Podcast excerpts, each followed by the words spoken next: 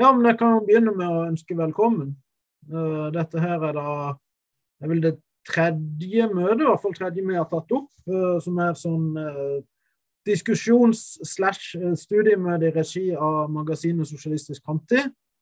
Og Sosialistisk Framtid er jo da et partipolitisk uavhengig tidsskrift som kommer ut fire ganger i år. og liksom er for å fremme debatt og diskusjon og opplysning på, på tvers av kan du si, partiskille og andre skiller på venstresida. Uh, og Temaet for dette møtet i dag er da imperialismen. Og Sindre Mørk, som er en av innlederne, han har skrevet en artikkel om det. Uh, 'Problemstillinger i marxistisk imperialismeteori', del 1. Og del 1 tar da for seg det økonomiske aspektet, så kommer han tilbake til det som har mer med det militære aspektet og, og uh, forhold mellom, direkte forhold mellom statene i, i et senere, artikkel. Uh, men det med imperialisme det er jo noe som blir som er egentlig en ganske viktig del av analysen til venstresida, i hvert fall sånn som jeg opplevde. Men det er jo ofte litt litt uklar med hva, hva er egentlig Når en snakker om imperialistiske forhold mellom eh, rike land og fattige land, for å, å si det litt forenkla, hva, hva legger en i det? Og, og, Sindre kommer da til å snakke om på en måte eh, både hva Marx tenkte om, om eh, bytteforhold mellom land, og som det senere har blitt teoretisert av ikke minst Lenin, men òg andre andre marxister seinere, på en måte hvorvidt det faktisk er si, empirisk uh, mulig å, å, bekrefte da, den måten man har tenkt på, eller om man må tenke, tenke, noe annerledes om det. Eller kanskje vende tilbake mer til, til det opprinnelige, til Marx. da. Og så vil vel Oskar snakke litt om uh, dette med globalisering og og hvordan det stiller seg i forhold til uh, imperialismeteori, det, det, kan han presentere nøyere sjøl, men det er jo en sånn uh, skal du si, noen, noen tanker på deler av venstresida om finanskapital og, og, et ord som ikke er så glad i, men som blir kalt globalisme, og liksom uh, om det egentlig har noe med, med vår imperialismeanalyse å gjøre, eller om det er noe noe fremmed, kanskje til og med noe reaksjonært. Det er vel noe som Oskar vil komme inn på. Uh, men nå skal vi se, Sindre, er du til stede? Ja, jeg, jeg er med nå. Ja, kan ikke du skru på kameraet? Jeg tenkte, ja, ja. Ser du meg? Yes. Ja, utmerket. Nei, jeg tenkte egentlig å starte faktisk med kjapt gjennomgå de klassiske imperialismeteoriene. Altså det vil si først og fremst Lenin og Hobson, så tenkte jeg at også bevisene for de teoriene. Litt om korrelasjon og kausalitet. Og så tenkte jeg at uh, Oskar kan legge fra mer om, om Mark spesifikt. da. Uh, så jeg kan være globalistenes, eller forsvaret for globalismetesen og finanskapitalen. Um, ja, men da, da, gir jeg ordet til det nå, Sindre, og så, uh, så tar Oskar over etterpå. Så åpner vi for uh, fri debatt etter dere har holdt deres innledninger. Ja, supert. Uh, så ja, det må jeg si fra om jeg har altså Burde ikke snakke mer enn 20 minutter. Jeg vet ikke, jeg rakk dessverre ikke å lage powerpoint. Kom tilbake igjen, men jeg har skrevet noen notater, skal prøve å forholde meg til dem og håper at jeg ikke at, at, at jeg er innenfor tiden. Så i hvert fall de klassiske imperialismeteoriene var uh, i hovedsak uh, underkonstitusjonsteorier. Uh, de postulerte at den kapitalistiske økonomien led av indre motsigelser, av krisetendenser, som ble løst gjennom eksport av kapital. altså gjennom å, å sikre eksterne markeder, noe som igjen resulterte i, i siste instans i imperialisme, kolonialisme og stormaktsrivaleri. Um, Uh, og Det gjelder både for Luxembourg, for Lenin, Hobson. Uh, jeg tenkte jeg skal i hovedsak fokusere på Lene Hobson. Uh, og Det er naturligvis viktige forskjeller mellom Lenin og Hobsons imperialismeteorier. jeg håper vi kan få tid til å diskutere noen av de forskjellene senere. Men for øyeblikket er det hvert fall viktig å fremheve at for Lenin var imperialisme det høyeste og siste stadiet som har vært veldig lenge av kapitalismen. Det var noe som var absolutt determinert, uunngåelig og helt uatskillelig fra kapitalismen, mens for Hobson var ikke det tilfellet. Han mente i stedet at imperialismen var altså Det var ikke et nødvendig trekk ved kapitalismen, men heller et resultat av elitenes preferanser. Av, av, spesifikke institusjoner, av hvordan enkelte land valgte å organisere sin, sine innenrikspolitiske regimer. Og Hobson forklarte imperialisme altså, og det er, det er, noen fellestrekk med Hobson. Jeg tror En av de tingene som Lenin virkelig liksom tok fra Hobson, var at det var et segment i overklassen på en måte som var skyld i, eller som, som forårsaket imperialismen. Uh, det kan diskuteres senere, men, men Hobson forklarte i hvert fall imperialismen som et resultat av ulikhet. Av at, at, at, et segment i overklassen ikke på en måte ville gi arbeiderklassen tilstrekkelig lønn for å opprettholde det nivået etterspørsel som er nødvendig for å møte en økning i tilbud. Dvs. Si for å gjøre slik uh, for å gjøre reinvesteringer lønnsomt. Undertrykkelse av arbeiderklassens inntektsnivå og store lønnsforskjeller fører dessuten også til at uh, sparingsraten øker. Og siden arbeiderklassen lever fra hånd til munn, mens rike, uh, som vi selvfølgelig vet, sparer mye mer fordi det er slett, De kan ikke til og med bruke alt selv hvis de hadde ønsket det. og så akkumulerer de også et massivt overskudd av investerbare midler. som de da selvfølgelig ønsker å investere i attraktive fond, i aksjer, i, i markeder, i eiendom osv. Uh, og Det fører da til at, de, at de, for dem så fremstår utenrikshandel som et utløp for disse oppsparte midlene, og eksterne marked som eh, utløp for overflødig produksjon. Da. Uh, og Denne tendensen gjør seg enda mer gjeldende under monopolkapitalisme, som de kalte det. Fordi På den ene siden så øker altså monopolprofitt overskuddet massivt. Uh, det, noe som fører igjen til mer sparing. ikke sant? Og på den andre siden oppnår monopolprofitten disse høye profittene uh, ved å heve prisene, og dermed samtidig så krymper jo hjemmemarkedet enda mer enn tidligere. Så altså de samme faktorene som gjør at sparingen øker, reduserer utløpet, altså måten å, å realisere dem. Da. Og, og, derfor så er på en måte imperialisme en løsning på dette problemet. og en slags form for liksom, det høyeste stadiet til underkonsumsjon. Det jo, uh, men det behøver ikke være slik for, for Hobson. Det er viktig. Siden den grunnleggende årsaken ligger sant, i, uh, i overdri disse overdrivende massive inntektene til uh, monopolistene, rentistene og, og, og, forskjeller mellom klassene, så er det mulig uh, å løse det også innenfor kapitalismen. Det trenger ikke være sånn igjen. du trenger bare å tilrettelegge for altså, inntektsutjamning gjennom reformer. Uh, men, men, der er selvfølgelig Lenin helt, helt imot, uh, som vi kan komme tilbake. Det er en av forskjellene. Og igjen, men Lenin og Hobson er enige i at på en måte, statsapparatet da blir kontrollert til slutt av, til syvende og sist av, av denne her rike eliten, da, som, som, som, jakter på sant, å sikre eksterne markeder osv. Uh, og, og som da fører til, til sant, rivaleri, til, til imperialisme og, og krig mellom, mellom, de ulike imperialistiske landene. Uh, Eh, så til kort om bevis. og det er Nå nylig har jo disse, den klassen, selve klassen, altså fordi det var en lang periode hvor man tenkte ok, det er åpenbart at, at de ikke har noen fortsatt disse teoriene, spesielt uh, etter, etter uh, uh, 90-tallet, når vi har hatt rolig starten av globalismen, USAs totale hegemoni, til og med under kalde krigen, nå som vi har hatt en lang fredperiode. ikke Det ser ikke ut til at det har, har lang tid vært liksom krig i Europa eller krig uh, generelt har liksom vært uh, altså, uh, virkelig på en stor skala har vært utenkelig. Så, ikke sant? Men, men, nå, igjen, nå som stormaktsrivaliseringen begynner å virkelig intensivere seg og, og ulikhetene vokser, så har disse her blitt tatt da på en måte blitt relevante på ny. og, og ja. så det er mange liksom, virkelig innflytelsesrike økonomer som har skrevet og, og sett sett på den og tatt dem opp igjen. Uh, tenkte se litt på det. og uh, Milanovic, Blanko Milanovic, som er, han har vunnet Nobelprisen i økonomi, uh, har skrevet uh, i samarbeid med andre økonomer, jeg husker ikke akkurat nå navnet til dem, men det er i hvert fall et veldig faktisk anbefalingsverdig paper der han går gjennom empirien og ser på bevisene for den der, det som man kaller Hobson-Lenin-Luxemburg-tesen for første verdenskrig. Uh, og, uh, som baserer seg da på ny, uh, nytt tilgjengelig materiale, ikke sant, statistisk materiale over de relevante landene Storbritannia, Frankrike, Tyskland, Østerrike, Ungarn, Russland og USA. Og Der viser han at de veldig rike de eide nesten all utenlandskapital eller aksjer, og at andelen av disse i, altså, i portfolioen for et individ økte med Altså, de var større andel jo mer rik den personen var, da, jo mer rik vedkommende var. Uh, videre så ga disse uh, utenlandske investeringene også høyere avkastning, uh, justert for, for når man sier arrestert for risikoen.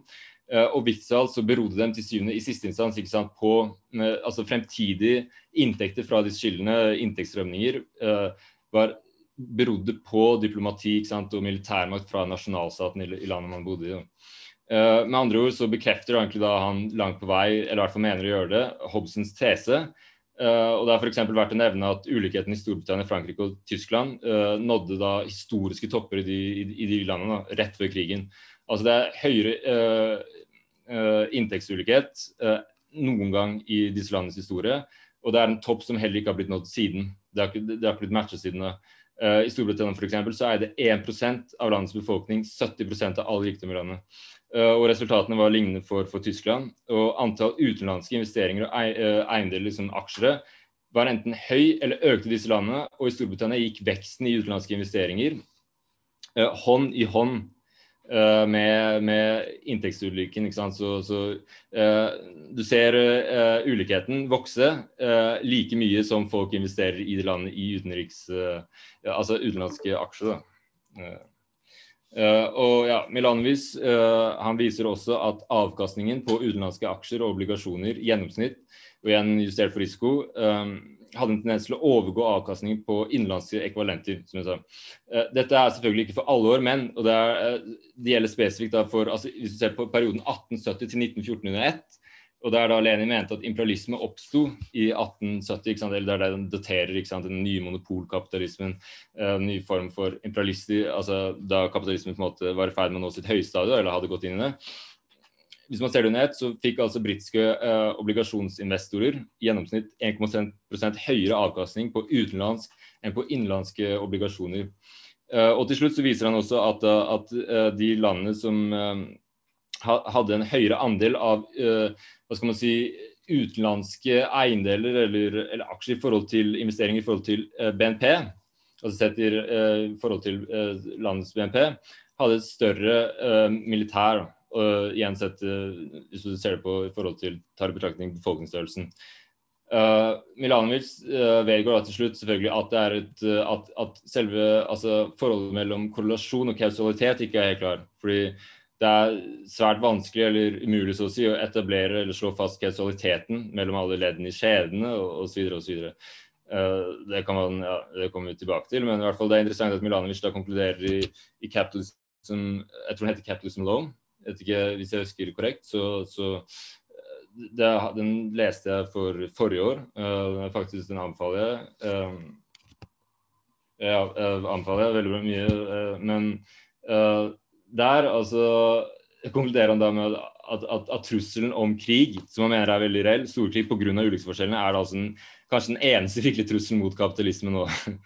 Høyere trussel enn en klimakrisen, f.eks. Uh, så det siste jeg tenkte å ta opp uh, som relaterer seg til Hobson, er da en, en, en, ny bok som dere sikkert, den ble publisert i fjor, som dere sikkert kjenner til, som heter 'Trade Wars are Class Wars', uh, som er skrevet av Matthew Klein og Michael uh, Pettis. Jeg vet ikke hvordan man uttaler navnet. Men uh, i hvert fall tesen til boka er basically at, uh, er basically som vi snakket om, sant, at økende ulikhet i enkelte nasjoner begrenser den samlede globale etterspørselen og svekker global vekst. Noe som fører til handelskrig på, på internasjonalt nivå. Og Spesielt peker han da på, på Tyskland og Kina, hvis eksportmodell har resultert i et høyt eh, sparingsoverskudd, dvs. Si en total sparing i disse landene, at den totale sparingen i de landene overstiger uh, de totale investeringene. Uh, siden dette overskuddet ikke kan absorberes av produktive innenlandsinvesteringer, så eksporterer de landene da overskuddet til land som er villige til å gå i underskudd på driftsbalansen. Noe som resulterer i gjeldsdrevet forbruk og uproduktive investeringer i form av finansiell spekulasjon og prisbobler. Uh, og dette har da som uh, vi alle vet selvfølgelig spesielt vært tilfellet for USA, og det er det som de mener er det er sånn de forklarer finanskrisen, og det er sånn de også forklarer Trump. ikke sant? Fordi uh, USA blir da bombardert på type av billige forbruksvarer som fører til at folk mister jobbene sine. ikke sant? They take our jobs, og da blir de sinte, og de, de, de, ulikheten vokser igjen. Og, så, og, så, kommer da Trump, ikke sant, som lover å gjenopprette handelsbalansen gjennom sant, tariffer, gjennom å beskytte amerikanske arbeidsplasser. Uh, som, som ja, og, og forklare det. Så det er egentlig da en konflikt mellom klasser i de ulike landene. Fordi, ikke sant, som man sier, det som egentlig skulle kunne løse da, er jo hvis uh, Han mener jo at det hadde vært ideelt sett så skulle altså underlands, altså de landene som har, uh, går i underskudd, de skulle da uh, innført kapitalkontroll. Men det bryter jo med preferansen til elitene i disse landene, som, har, som tjener godt på det nåværende systemet, i motsetning til arbeiderne som må leve med konsekvensen av dette globale kappløpet mot bunnen, race or bottom. ikke sant? Uh, og, og, de foretrekker status quo. Og de har dessuten mer innflytelse, ikke minst gjennom lobbyvirksomhet osv. Uh, for det andre så, så sier de selvfølgelig at, at denne, altså, og det, også, det, må skje i alle landene ikke sant, hvis det skal, hvis det skal hjelpe. og for det andre så må det også byrden når det kommer til justering i driftsbalanse, det må bli mer symmetrisk fordelt mellom underskuddsland og overskuddsland. Nå faller den bare på underskuddslandene. Og, men, alt dette forutsetter jo da selvfølgelig opprettelsen av nye globale finansinstitusjoner. En slags sånn Bretton Woods 2.0. ikke sant? Uh, og, og, det har historisk vært avhengig av en hegemon. Men som de sier, USA er på vei ned. Kina er liksom stor skeptisk overfor uh, finan internasjonale finansinstitusjoner. Men, men, som sagt igjen, så er, så er, det til syvende og sist konkluderer de da med ikke sant, det er politisk mulig. men, og, det er det som jeg liksom tenkte til slutt å problematisere det med, som jeg tror Oskar kommer først og fremst til å, snakke om det. Men altså at det finnes selvfølgelig mange forskjellige altså innvendinger mot disse klassiske imperialismeteoriene. Uh, men fra et, et marxistisk perspektiv så er det for det første et problem at de ikke fokuserer på profitt, altså hva profitt er, kilden til profitt osv. Uh, uh, men fra et marxistisk perspektiv sant, så er jo det er jo profittraten som til syvende og sist regulerer både tilbud og etterspørsel. Uh, og profittraten er i sin, uh, sin, tur bestemt av lønnsandelen og kapitalintensiteten i produksjonen. Um, og det leder oss til det andre, uh, som, er, som, man kan produsere ved underkonstruksjonstesen. Um, både slik den er presentert av Milanovic og Petis, Petis, er det noen av dere som vet det, forresten? Hvor, er, er det, han er amerikaner, tror jeg, men det, er, det, litt, det høres fransk ut nesten etter navnet. Jeg vet ikke. Det er ingen som, som kjenner til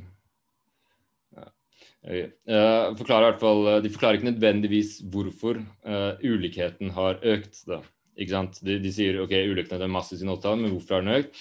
Men jeg kan uh, argumentere for at dette igjen ikke sant, i siste instans nettopp er et resultat eller var et resultat av fallet i profitabiliteten, i fallet i profittraten. Uh, uh, og, og, dette kan også igjen da forklare investeringen i utlandet. Ja, jeg vet at Branko Milanovic ah, han er, fra, han er serber. Ja. Ja, jeg vet han er fra Men, men jeg spurte om han Hva heter han?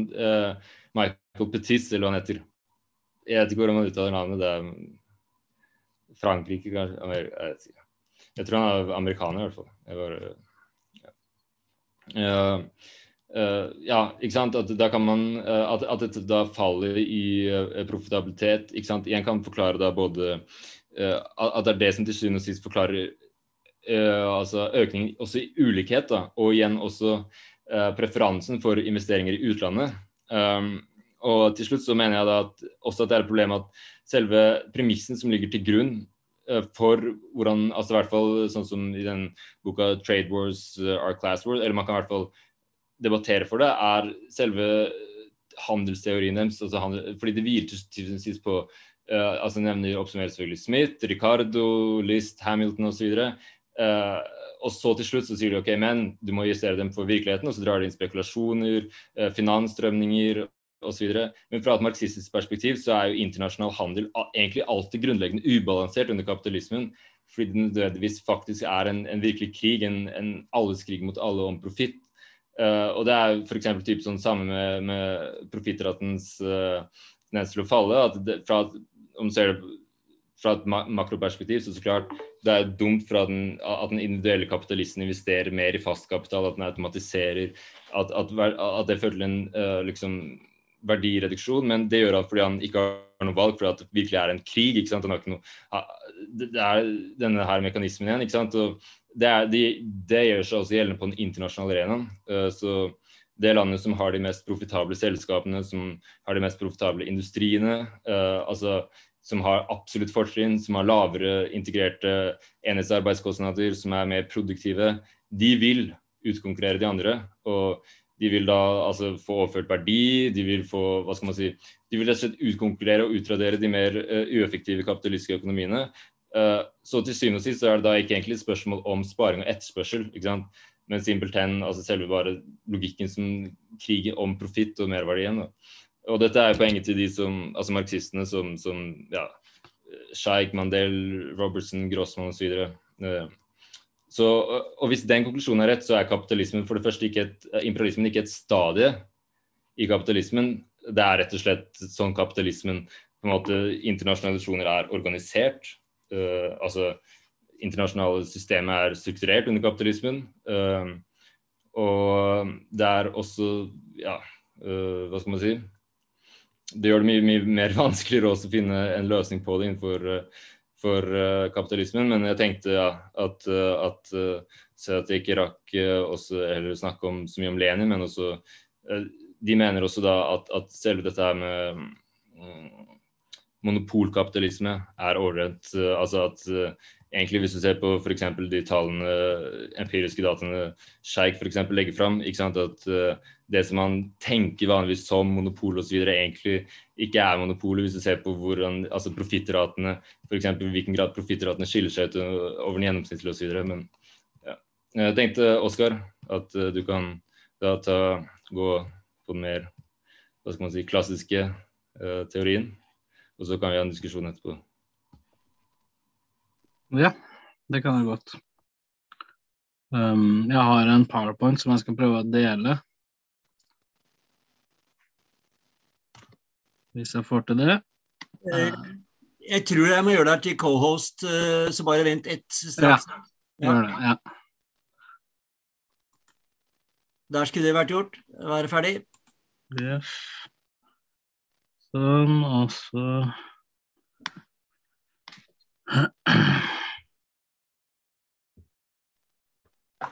Der. Kom det opp noe nå? Ja, du må slå på visningsmodus. Altså, ja da, det skal jeg få til. Men da er vi der, i hvert fall. Vi er der, ja. Supert. Nå er den på. Og så sånn. Ja, så uh, vi får se hvor langt Jeg prøver ikke å bruke for lang tid, men uh, det jeg hadde tenkt å prate om, var altså imperialisme. Det er på en måte et veldig uh, sammensatt tema, så jeg kommer ikke nødvendigvis helt inn i midten av det. Men, men jeg prøver, prøver å liksom si noe om de teoretiske premissene som gjør en marxistisk imperialismeteori mulig. Og så liksom oss, stabbe meg i den retning. Eh, og eh, det slo meg, jeg tenkte at en måte å gjøre det på, er å sammenligne teorien om imperialisme, som liksom jeg mener i hvert fall eh, ja, marxister har tendert til å utvikle. kontrastere den med den mer sånn konvensjonelle teori, borgerlige teorien om internasjonale relasjoner i kapitalisme, nemlig da teorien om globalisering. Jeg tror det er liksom noen Eh, slående forskjeller mellom de to, som synliggjør hva som står på spill av eh, kanskje teoretiske grunnlagspremisser. Som uenigheter som så forstørrer seg og forsterker seg i videre ledd, og som fører til ganske store forskjeller eh, etter hvert. Hvis vi begynner med globaliseringsteorien, skal ikke snakke for mye om den, for kanskje folk er kanskje, kanskje kjent med den, men det er liksom et teoretisk motefenomen som herja akademia på 90- og 2000-tallet, og som fremdeles er eh, innflytelsesrikt. I, I, og med at det, det, legger opp til en bestemt forståelse av det, det de forstår som den kapitalistiske verdensøkonomien den globale kapitalismen, eller hva du vil. Eh, og kort sagt går det ut på at, at, vi på en eller annen måte befinner oss i en periode hvor den nasjonale økonomiens tid er over, og vi går henimot en, en integrert global verdensøkonomi. Framstilles, den, den utviklingsprosessen her òg gjerne som en sånn, nesten sånn skjebneaktig utviklingsprosess som ikke kan reverseres, og som egentlig, mennesker egentlig ikke kan gjøre noe med. Eh, kanskje er den forankra i teknologien eller eh, sånne ting, eller i økonomien, men det er liksom en eller annen ting som Det er på en måte bare en mekanisme som gjør at verden blir mer og mer globalt integrert, og, og, da særlig økonomisk. Eh, men det det særlig fører til, er, er at staten ikke lenger kan føre en selvstendig økonomisk politikk. Kanskje statene blir tvunget til å være eh, konkurransestater, blir det ofte kalt. Så den teorien her nådde en slags eh, popularitetshøyde eh, med Sovjetunionens fall, hvor nettopp det ser ut til, altså med den gamle østblokkas økonomiske slags integrering med Vesten, med omlegget til eh, kapitalistiske forhold, så så får jo da globaliseringsteorien en sånn naturlig plausibilitet. Altså det, det, ser at, det ser jo faktisk ut til å være noe, noe sånt som skjer. da. Mens derimot utviklingsforløpet etter 2008, som, som også Sindre henviser til, hvor du har ty, får veldig tydelig stormaktsrivalisering mellom forskjellige grupperinger i verdensøkonomien, mellom USA og Kina, USA og Russland, til og med USA og Tyskland, Eh, det, er ikke helt i tråd med globaliseringsteorien. Og det rokker ganske avgjørende ved dens plausibilitet igjen. Så nå er det liksom bordet dekka for, for andre teorier. Og jeg tror, tror, det er bra, for jeg tror den globaliseringsteorien ikke er så veldig fornuftig. Eh, det er veldig mange kritikker som har blitt reist av den, jeg skal ikke liksom gå gjennom det. men men en ting er bare rett og slett at den globaliseringen som vi har sett eh, i, da den teorien ble utvikla, var liksom ikke nødvendigvis så veldig unik. Og, og du har den sånn såkalt første globaliseringsperioden, eh, som egentlig er da den klassiske imperialistiske perioden fra, fra tida rundt første verdenskrig, hvor, ja, altså, hvor uh, veldig mange hvor um, altså, Parameterne er ganske like da, uh, når det gjelder BNP-andel internasjonal handel og eh, altså, sånn, graden av utenlandsinvesteringer osv. Så sånn, det, det, er egentlig, det er egentlig nivåer vi har sett før. og det, Så det som har kommet eh, liksom fra 80-90-tallet, det er ikke nødvendigvis unikt heller. Og det svekker jo veldig ved den for forutsetningen om at det her er en sånn en, en prosess som går i en retning, og som er irreversibel og alt det der. Så det, Eh, liksom, Historisk så holder ikke den globaliseringsteorien vann i det hele tatt, empirisk. Eh, men det er nå på en måte så. Eh, det er nå også ofte sånn at ting framtrer i fordreid form, som Marx sier. Og, og jeg, min, jeg, tror kanskje også at liksom det, det er ikke bare blant selve globaliseringsteoriene. Globaliseringsteoriene har på en måte også lagt forutsetningene, eller de teoretiske premissene, som som motparten deres aksepterer, altså antiglobalistene, om du vil. Eh, kritikerne av, eh, av, global, av globaliseringsteorien, som, som, liksom snur hele teorien på hodet. Og, og, eh, men, men, på en måte likevel aksepterer det overordnede rammeverket. Da. Ikke sant? Altså, de, de, aksepterer at det er en global, globaliserende økonomisk prosess som truer nasjonalstaten. Eh, og den, det er en negativ ting. Og Derfor så burde venstresida støtte og forsvare nasjonalstaten, fordi det er den som gir oss de beste betingelser å jobbe under, eller liksom underklassen de beste betingelser. Så vi må venstresida, sier det kan man liksom lese i ukentlige i Brånens ukespalte i Klassekampen, må forsvare nasjonalstaten og nasjonen og det nasjonale fellesskapet. ikke sant? For det er liksom trua av den globaliseringa her. Så det er på en måte bare at man snur hele den globaliseringsteorien på hodet, aksepterer dens premisser, men trekker på en måte motsatt konklusjon. Eh, ja, så Sitat fra Klassekampen her, det var jo da fra, fra Isaksen, Torbjørn Røe Isaksen, men det, er, det, kunne på en måte vært fra hvilken som helst av de ja, Det kunne vært fra mange kommentatorer, kan man si. Det med at den globale kapitalismen er rotløs og uten hjemland. At det er en internasjonal markedsøkonomi på den ene sida, og så sterke nasjonalstater på den andre sida. Så det er en sånn den kontrasten der, at man identifiserer kapitalen med sånn global, et globalt fenomen, som et globalt fenomen, som liksom venstresida, nei, som eh, nasjonalstaten kontrasteres til, det er, det er eh, en sånn nøkkelantagelse, vil jeg si, da, i, i globaliseringsteorien. Og det er nettopp den antagelsen som er feil. Um, uh, hvis du ser historisk på, liksom, på den forbindelsen mellom utviklinga av moderne kapitalistisk produksjon og nasjonalstaten, så, så, er det lite som tyder på at det er et sånt at, at det er et sånt antitetisk forhold mellom de to. Tvert imot så taler historien for at, at kapitalismen den har bidratt kraftig til å utvikle nasjonalstaten, til å promotere den. Og, og, og, og at forholdet, liksom, om noe, er positivt. da. Så kapitalismens opprinnelse sammenfaller med, liksom, med, med, det som blir startpunktet for en voldsom nasjonalstatlig framvekst. Og, og hvis du ser mer, mer, i mer nyere historie, så, så er det jo det som skjer med, med, liksom, sammenbruddet til Sovjetunionen og, og de såkalt realsosialistiske land i øst, er at her har man svære økonomiske territorier som ikke blir overtatt uh, av kapitalistisk drift, men som tvert imot blir brutt opp langs Eh, nasjonale linjer av noen, noen, av de nasjonene som uh, ja, altså det, det blir, det blir splintra opp i, i, mer en sånn nasjonalstatlig retning. ikke sant? Med, så ganske snart etter overgangen til mer kapitalistiske forhold. Igjen, det, er liksom, det, taler i retning av at det er ikke sånn at kapitalismen er eh, antitetisk til nasjonen, eh, snarere tvert imot. Og, og, jeg mener at det som fører til problemet her, er at man har en økonomiforståelse hvor det er liksom sirkulasjonssfæren som blender øynene. Altså Man ser bare sirkulasjonen av varer og penger. Men eh, som det heter, altså produksjonen den forblir en skjult eh, sfære som ikke blir egentlig analysert. Da. For det er sånn at, at når varer og penger sirkulerer, så kan de bevege seg relativt fritt og sømløst, og det kan alle Det, det skjønner man eh, bare ved å tenke eh, litt over det. Men, men det som særpreger det, det moderne altså handelskapital og pengekapital, som sånn selvstendige sirkulasjonsformer har jo eksistert siden oldtida.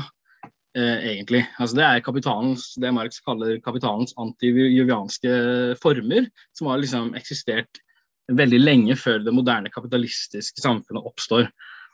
Um, og, og, det som kjennetegnet de, de gamle kapitalformene, er jo nettopp, at de er begrensa til sirkulasjonen. Mens det som er kjæringen for den moderne kapitalismen, er at den tar for seg produksjonen. At den griper inn og produserer de varene den selv handler med. Og det innebærer noe når det gjelder Det betyr at den, den, den oldtidskapitalismen, så å si, altså den, de kapitalformer som har eksistert i, i uh, tusen år, det, det, det, er jo eh, De kunne være globale i, sin, eh, i sitt vesen, egentlig. Altså De gamle handelskompanier osv. Så videre, sånn, eh, var jo mer eller mindre global, globalt organisert. for at som en handelsmann så var det bare å reise rundt fra en nasjon til en annen og handle med de ulike produkter. Med, og handle mellom liksom, produsentene. Og du føler ikke nødvendigvis noe tilhørighet til det ene eller andre nasjonen. Men det er jo der forskjellen ligger. altså på en måte så har Globaliseringsteoretikerne snudd hele sannheten på hodet. For det som kjennetegner moderne, den moderne kapitalismen, er nettopp at den, den eh, griper tak i produksjonen. Og for å gjøre det, så, så må man sveise fast enorme kapitalmengder i jorda. Fiksere den i jorda.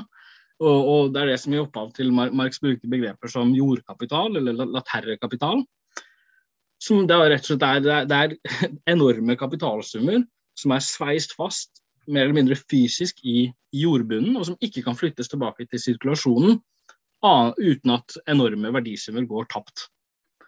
Eh, det er rett og slett sånn, For å produsere en vare så må man eh, utbedre et fabrikkområde. Det koster milliarder på milliarder av eh, kroner. ikke sant? Og, og, og i det hele tatt kunne gjøre noe sånt. da. Eh, alt, alt, hva som trengs av infrastruktur osv. For, at et fabrikk, for at man i det hele tatt kan starte en fabrikk. Og Det er jo det som er hovedvekten i, i den moderne kapitalismen. Og Det betyr at, at, eh, at eh, det, det, den moderne kapitalismen i virkeligheten er fiksert på en måte, fiksert i jorda. Den er jordfast på en måte som ikke, som ikke var tilfellet for de, før, de førmoderne former for kapital. Da. Eh, sånn at det, er liksom igjen så blir det motsatt. At, at den moderne, moderne, kapital i moderne forstand, den får et fedreland. Den, får, den, får, den blir liksom den skjebne blir, eh, blir, bundet fast til den, eh, det territoriet den befinner seg på, pga. Eh, de forholdene her. Da. Så, så, derfor så får man, eh, som Marx beskriver liksom ganske presist, det som blir egentlig den kapitalistiske dynamikken. Som ikke er at kapitalen er en sånn rotløs overnasjonal kraft som svever over nasjonene, men tvert imot så er det sånn at kapitalen grupperer seg i nasjonale enheter og kjemper mot hverandre langs nasjonale linjer. Sånn at den får et fedreland. Eh, Marx sier da ganske presist uh, uansett hvor mye den enkelte borgeren kjemper mot de andre, så har han som klasse en felles interesse. Og dette fellesskap, som innad vendes mot proletariatet, vendes utad mot andre nasjoners borgerskap. Og det er dette borgeren kaller sin nasjonalitet. Så, så det er der jeg mener at hvis man skal komme, komme noe vei eh, her, så må man eh, ta inn det begrepet om eh, samfunnsmessig nasjonal, totalkapital og da nasjonal totalkapital, som er Marx sin måte å, å teoretisere det her på. Og stort sett Når man ser på kapitalismen, så er det mye fokus på liksom enkeltkapitaler, enkeltkapitalistgrupper, eh, men da ser man ikke trærne for skogen. For at i, i, virkeligheten så er disse enkeltkapitalene, Norske Skog osv., de er deler av en nasjonaløkonomi eller det som Marx da kaller samfunnsmessig nasjonalkapital. Og her, her, er det liksom et samspill av enkeltkapitaler innenfor et avgrensa territorium, som, som, da ikke minst, og det er vel det viktigste, eh, fører, fram, fører til en dan, liksom, tendensiell dannelse av en gjennomsnittlig profittrate. Eh, altså, hvilket da innebærer at at kapitalister i samme land får eh, de, de, de, tenderer til i retning av at de får samme gjennomsnittsprofitt per eh, liksom investerte kapitalverdi i hjemmemarkedet. Som, som, da betyr at, at profitten blir en, en, virkning mer av det allmenne nivået i nasjonen, mer enn akkurat hva som skjer på den enkelte bedrift. Så, og det betyr Da er, liksom, da er det en eh, det, det, det, er liksom den konkrete, I den konkrete forstand så har, har, eh, kapitalen faktisk en nasjonalitet. Og, og, eh, som deler av en nasjonal totalkapital får kapitalistene felles interesser når det gjelder alt som påvirker på den gjennomsnittsprofitten de tross alt deler. Og her har du også et forhold som bringer, fører til potensiell konflikt med nasjonale totalkapitaler i andre regioner, i andre land. Eh, og da ikke minst eh, særlig kanskje. Det kan oppstå kamper om avsetningsmarkeder, om investeringsområder og om råvarekilder. Og det er, eh, det er kjent historisk, og det er, og det er, dessverre også kjent i dag. Da. Og det, den type kamper kan, kan ta forskjellige former. Eh, kort, bare, skal ikke, trenger ikke tvære så mye, mye, om det her, men jeg prøver bare å vise sånn at Marx er det her er et begrep som, som ligger eh, i de tre bindene i, av kapitalen. At dette med samfunnsmessig totalkapital At kapitalen ikke er en sånn enkeltstørrelse som, som svever uh, for seg selv, men at den er en del av en uh, nasjonal helhet, uh, så å si. Da. Så litt fra første bind, jeg tenker å lese det, men men eh, ja, eh, andre bind og tredje bind altså, det, det særlig, Han særlig framhever dette med dannelsen av en gjennomsnittlig profittrate. Og hvordan disse enkeltkapitalene fletter seg sammen og, og til sjuende og sist utgjør en sånn helhetlig, eh, total samfunnsmessig kapital. Um, det var bare for å ha på en måte bibelreferansene på plass. Men uansett um, så poenget blir at, at verdensøkonomien det, blir, det, er en, det, er de ulike nasjonale totalkapitalene og deres stater som virker eh, på hverandre. Og at man derfor ikke må forstå den kapitalistiske økonomien som liksom en dikotomi mellom individuelle kapitaler og verdensmarkedet. uten å forstå at, at, disse kapitalene er gruppert langs nasjonale linjer. Og, og, og, uten det så kan man jo heller ikke forstå hvordan, hvordan kapitalismen kan gi næring til nasjonale konflikter, som den så åpenbart gjør. Og har gjort og, og fortsetter å gjøre. Et annet uh, spørsmål er da hvordan man skal høye, føye inn uh, i, i, staten i det her sånn. Og som også er, blir liksom et, et, nødvendig element i en, uh, en, teori om imperialisme. Så den første konklusjonen ble at, at det, denne motsetningen som mange sosialister ser for seg mellom nasjonalstaten og den globale kapitalen, det er en det er vindmøllekamp. Um, ikke sant? Og um, altså det, det, den globale kapitalen er en eh, liksom, tå, liksom tåkefyrstekonstruksjon. Den fins ikke annet enn som, som, de ulike kapitalenes virkning på hverandre, som jo er, framstår som verdensmarkedet, og, og, det er jo det, men, men det er ikke noe liksom, Det fins ikke noe sånn egen global kapital, gir ikke mening å snakke om det. Og det, Derfor så forstår man også at det er et positivt forhold mellom egentlig kapitalen og nasjonal staten. Fordi at denne kapitalen er ikke rotløs og global, den er, den er like nasjonal som det staten er. Så forsvaret av det å, det å, investere mye sosialistisk identitet i det at man forsvarer nasjonalstaten mot liksom, kapitalens forsøk på å gjøre slutt på den, det tror jeg er veldig lite hensiktsmessig. Eh, da, da treffer man ingen virkelige fiender. Eh, på en måte. Du, det, er ikke akkurat, det er ikke en reell trussel du imøtegår her. Altså. Den, den nasjonalstaten det er ingenting som tyder på at den er trua. Og, um, så vidt jeg kan se, og antallet nasjonalstater har vel ikke Jeg våger meg til å bare gjette at den, det antallet har ikke gått ned siden kapitalismen oppsto. Og det vil nok ikke gjøre det frem, eh, i tida framover. Så, så det blir på en måte en sånn sosialistisk eh, hva skal man si, forståelse som bommer på, bommer på hvordan det samfunnet vi lever i faktisk ser ut, og som derfor er nødt til å bale fram med, med ganske uvirksomme politiske slutninger. Etter min mening så er nasjonalstaten den er liksom den samfunnsmessige totalkapitalens politiske representant. Og den er gjort nødvendig av det faktum at uh, totalkapitalens felles anleggender bare kan reguleres av en sånn stat. Altså, kapitalistene selv er ute av stand til å, til å ta sånne overordna hensyn til hva som er deres liksom, eh, felles reproduksjonsbetingelser. Sånn at eh, den oppgaven må eh, eksternaliseres til en stat. Det betyr at, det betyr at staten er uavhengig, har en genuin uavhengighet fra kapitalistene. Men det betyr på en måte ikke det. Det, er ikke for at at staten skal kunne gjøre hva som helst. og, og altså at, at, den av den grunn blir, flyter over samfunnet og kan brukes til hva man vil. Uh, men det er for at den uavhengigheten er nødvendig for at den skal kunne ivareta totalkapitalens felles uh, behov. Sånn at vi får liksom noen funksjonelle oppgaver som tilkommer en, en, stat som en følge av den funksjonsbestemmelsen.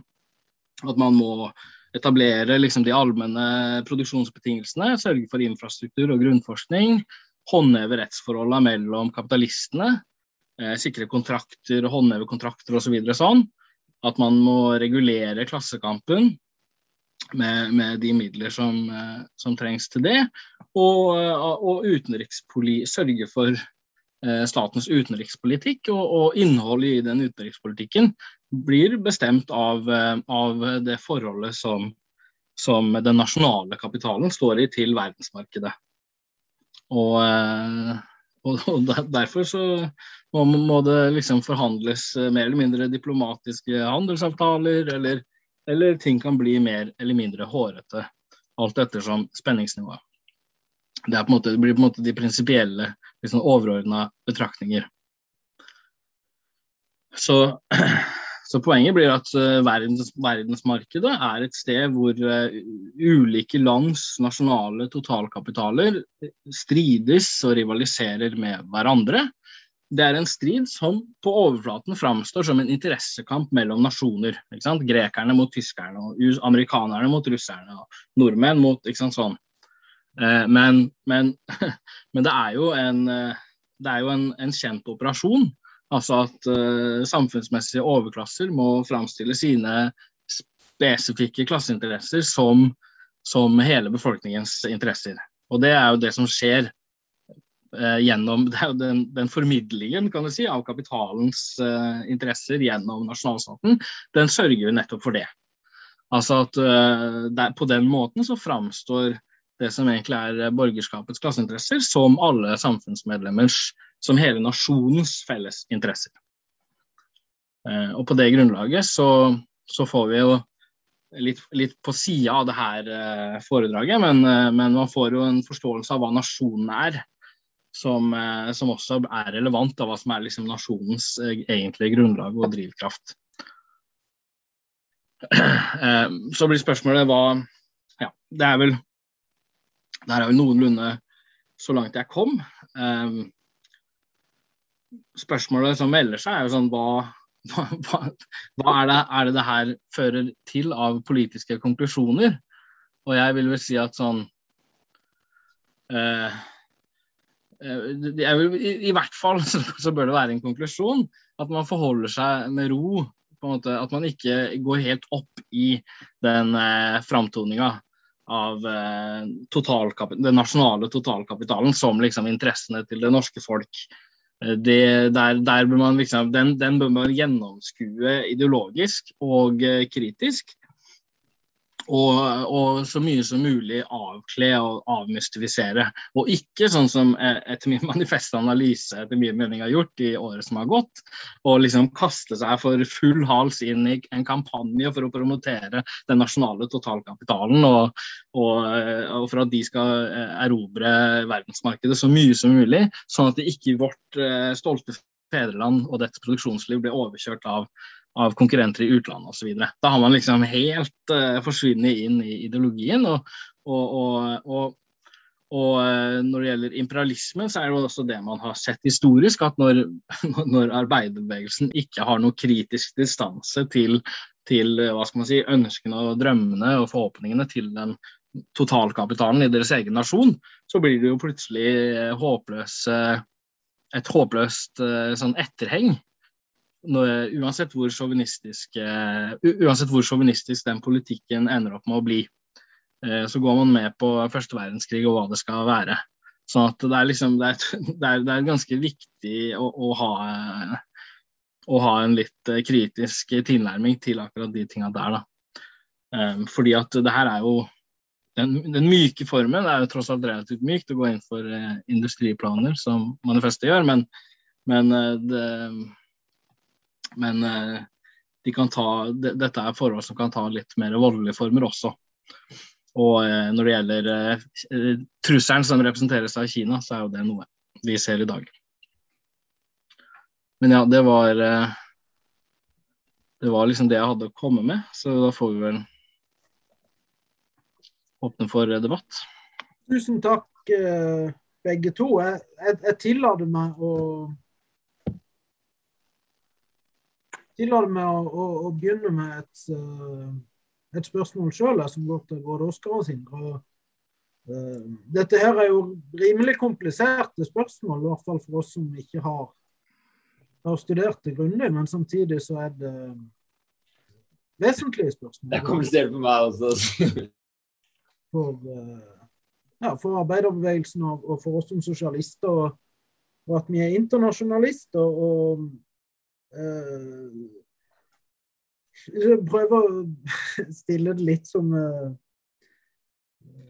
som en, en, enkel gutt fra landet, da, så, så, er det jo sånn at vi har uh, noen land i verden som er uh, rike, og det en ofte kaller industrialiserte. Og noen land som er, er fattige, og ofte råvareprodusenter. Så er det selvfølgelig til dels enorme klasseforskjeller innad i de landene, men, men at du likevel kan, kan uh, kanskje bruke et sånt grovt, uh, grovt skille da, mellom rike og fattige land.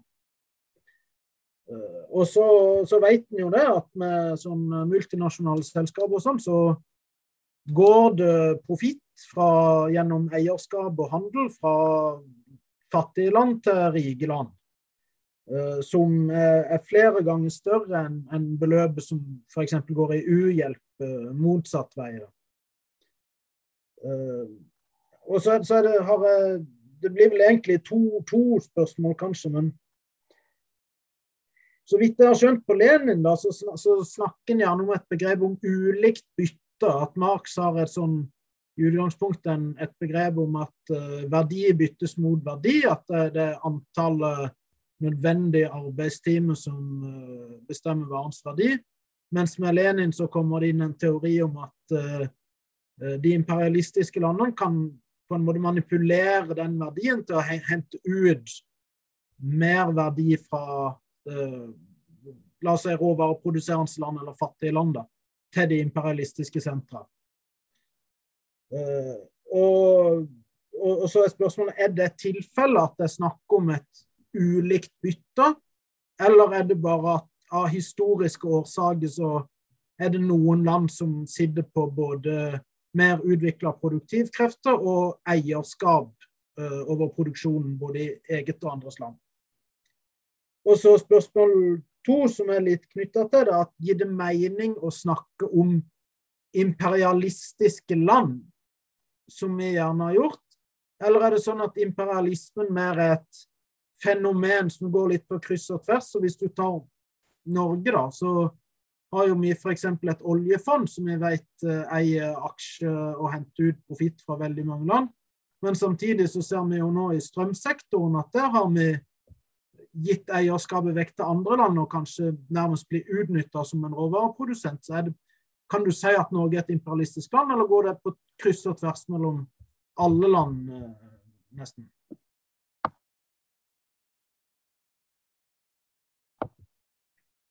Jeg vet ikke. Oskar, kunne du tenke deg å Ja.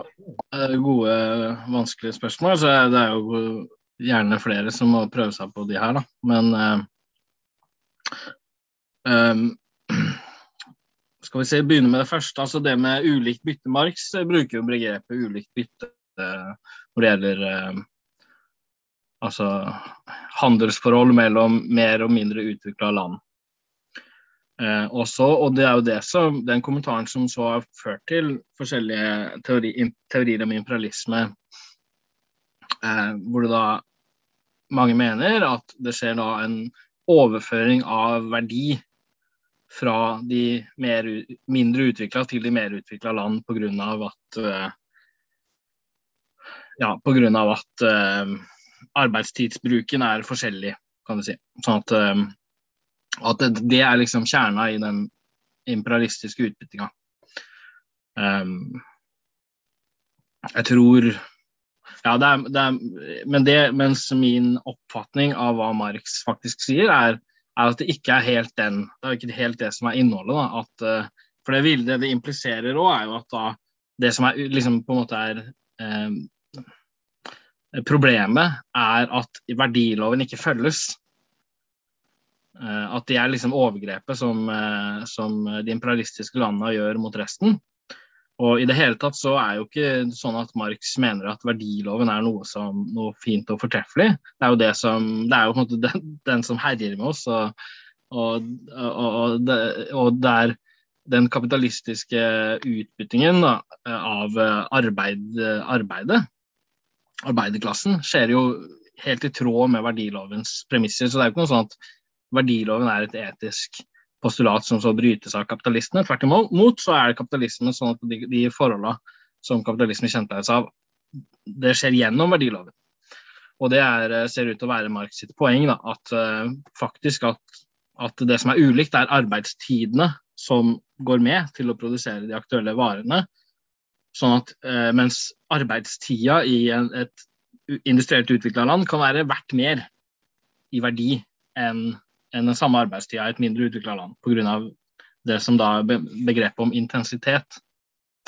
Sånn at Derfor er det et ulikt bytte, men det er et ulikt bytte ikke verditermer. For det byttet skjer helt i tråd med verdiloven, men det, men det er et ulikt bytte i den forstand at for, å, for at et underutvikla land skal få en varebeholdning som tilsvarer Som for dem som de bruker 10 000 arbeidstimer på å, på å bytte til seg, da. Så, så er, men så representerer det bare 1000 arbeidstimer hos den, det landet de importerer av. ikke sant? Det imperialistlandet som de importerer av, f.eks. Sånn at der er et ulikt bytte av arbeidstimer. Og i det avhengige landet, i det landet i tredje verden, så vil da liksom tidsbruken kanskje være, det medfører være så omfattende at det ikke er noe tid til overs for å drive med hjemlig industriutvikling. Og Derfor så holdes eh, land i avhengighet gjennom verdiloven, kan du si, og ikke på tross av den. Jeg vet ikke om jeg klarte, klarte å forklare det, men det var det er jo begrepet om ulikt eh, bytte. da. Um,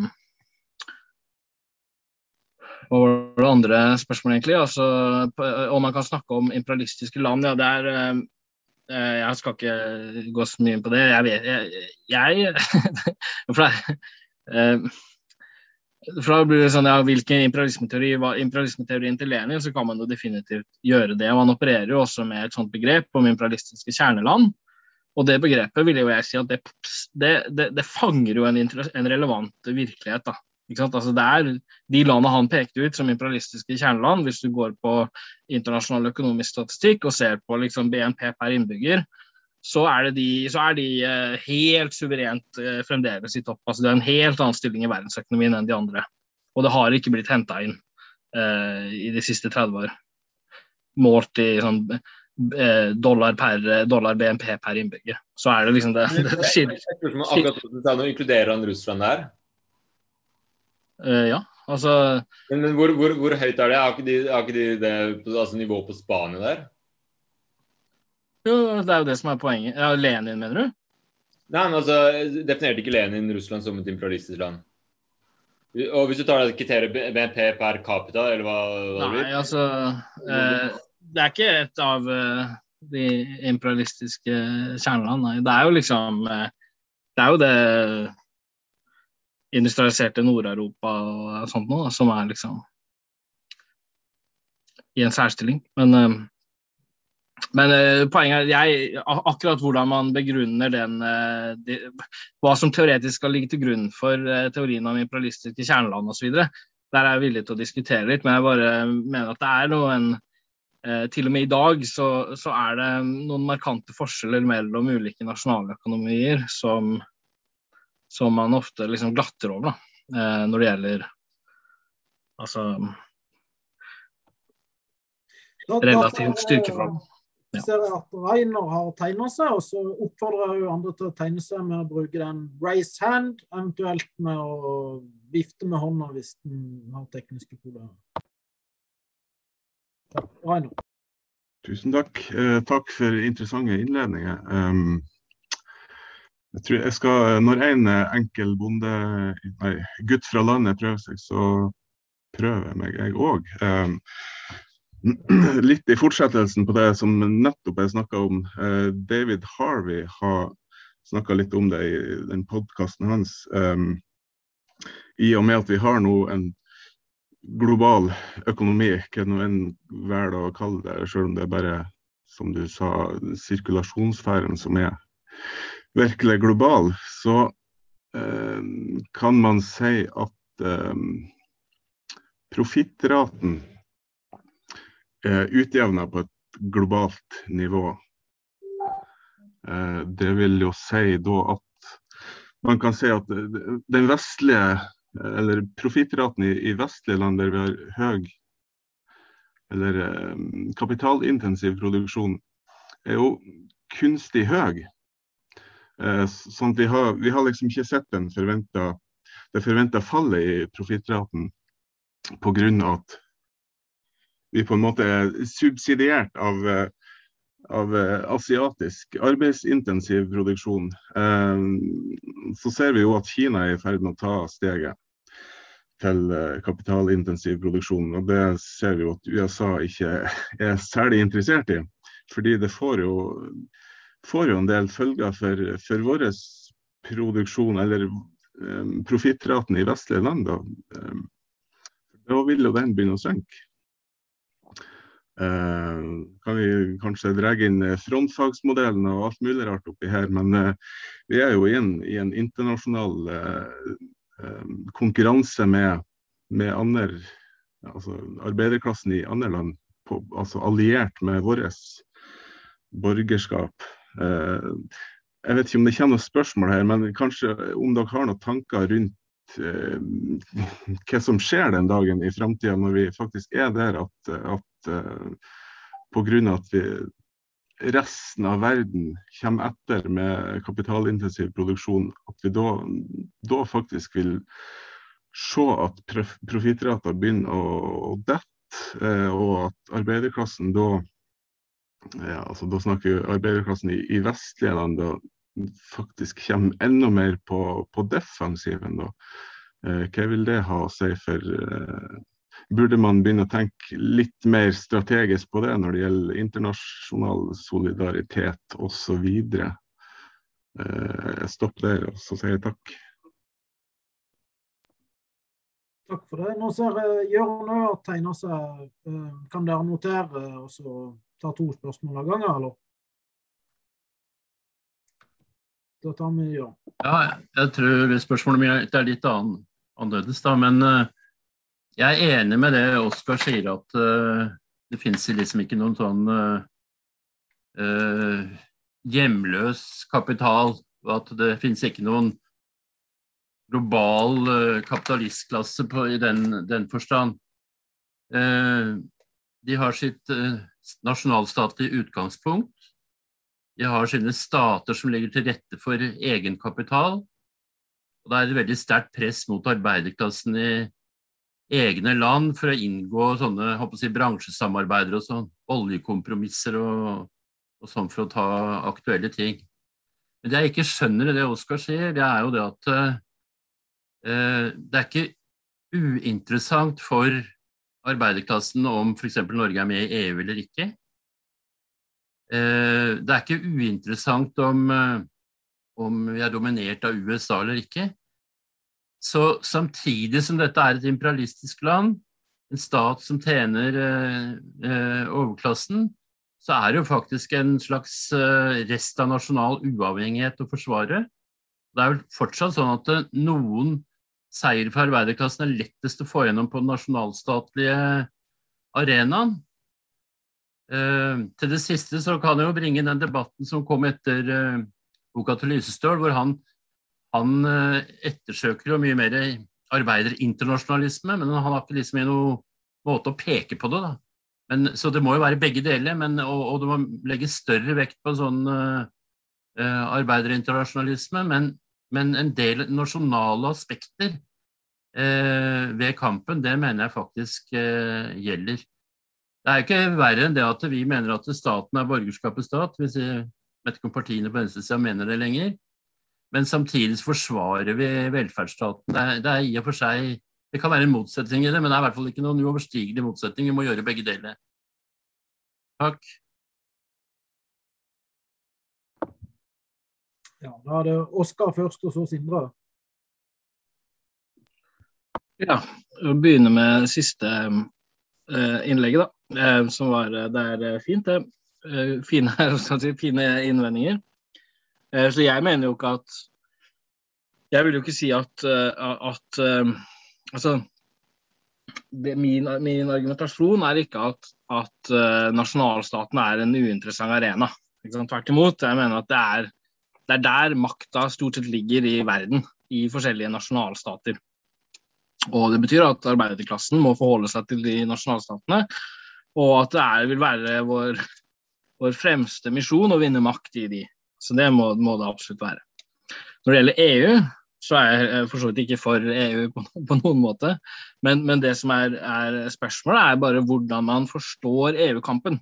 Og Der tror jeg det er problemer. At, at man i Norge, liksom, i, på norsk venstreside, i stor grad har en tendens til å forstå EU-kampen som liksom, trussel versus ikke mot nasjonal suverenitet, mot nasjonens uavhengighet osv. Jeg er ikke overbevist av det i det hele tatt, egentlig. Eh, men, men, det som står på spill i EU, eh, etter min mening, er at EU representerer en, en, eh, en liksom, grunnlovsfesting av en bestemt av en bestemt politikk. Av en bestemt økonomisk, statlig økonomisk politikk, gjeldspolitikk, pengepolitikk og av, og av former for korporativisme. Og det er klart at det å binde og, og gå inn for at Norge skal, skal, hive seg inn i det, bare for at man eh, har en sånn abstrakt internasjonalisme, er jo selvfølgelig helt håpelig. Så det er liksom ikke at jeg på noen måte er for EU. Det er det at jeg ikke tror at det EU representerer, er ikke først og fremst en trussel mot Norges selvstendighet og uavhengighet, men, men, men, en trussel mot helt andre ting. da. Og, og at sånne organer som EU, liksom det de representerer, er en måte for nasjonale politikere å fraskriver seg ansvaret for den politikken de egentlig sitter på, rom, på møterommet og går, går inn for og vedtar. Og så sier man etterpå, etterpå at uh, her er det EU som har uh, det, er Lars, det, er, det er EU som har sagt det. ikke sant? Sånn og sånn må det være. Og vi kan ikke gjøre noe med det. Og så, sånn. så det er mer det. Uh, det er en sånn trierfilm med sjefen for det hele. En, det er en sånn logikken der at liksom en, man dikter opp en sjef som må få skylda for alt mulig. Da. Men ja. Ja, da er talerlista Sindre, og så Anders, og så Tore Linné. Men uh, du, fikk du svar på det du spurte om, Rainer? Nei, eh, egentlig ikke. Men jeg innser at det er kanskje et, et stort spørsmål òg, så det, det, er for så vidt greit, det. da. Det var et godt spørsmål. Jeg kan hive kjapt inn at liksom jeg, Hva skal man si? Eh, økonomi, eh, verdensøkonomien er jo veldig mange enige om at den, den er jo liksom japanisert. altså Det er lav produktivitetsvekst og lav vekst. og, og no, Mange av oss vil vel mene at det har noe med profittrata å gjøre. Da, og at det fører til visse konflikter både internasjonalt mellom, mellom økonomiske maktsentra, men også klassemessig. Så liksom, jeg vil si at da er man i en situasjon som legger press på, på en for ukritisk eh, tilslutning til solidaritetsalternativer og den type politikk. Eh, og, og, og, som presser oss i retning av eh, mer sånn klassepolitikk, arbeiderklassepolitikk. Man kan rett og slett ikke følge det gamle løpet, for det, det, det, er for mange problemer. De vikler seg inn i for mange problemer. Eh, hva det innebærer, det har jeg ikke noe sånn, definitivt svar på. Men jeg, jeg, tror vi er liksom ganske enige i hvor, hvor, det bærer, og hva som er løsning sånn cirka. Men eh, detaljene må vi det er litt vanskelig å Ja. Da er det Sindre. Uh, jo, ja, det første som jeg, som jeg, jeg syns er vanskeligst i på en måte imperialismedebatten, er uh, nasjonalisme. Fordi jeg mener, og det er jeg og Oskar f.eks. mange ganger diskutert, men jeg mener jo at på, fra et, et visst perspektiv så har, er det jo faktisk slik at på en måte arbeiderne og kapitalistene i samme land har felles interesser i den forstand at hvis man ser på ok, hvis, du, hvis, eh, hvis arbeiderklassen tenker sånn ok, greit, det er, det er, mye bedre på en måte i Norge f.eks.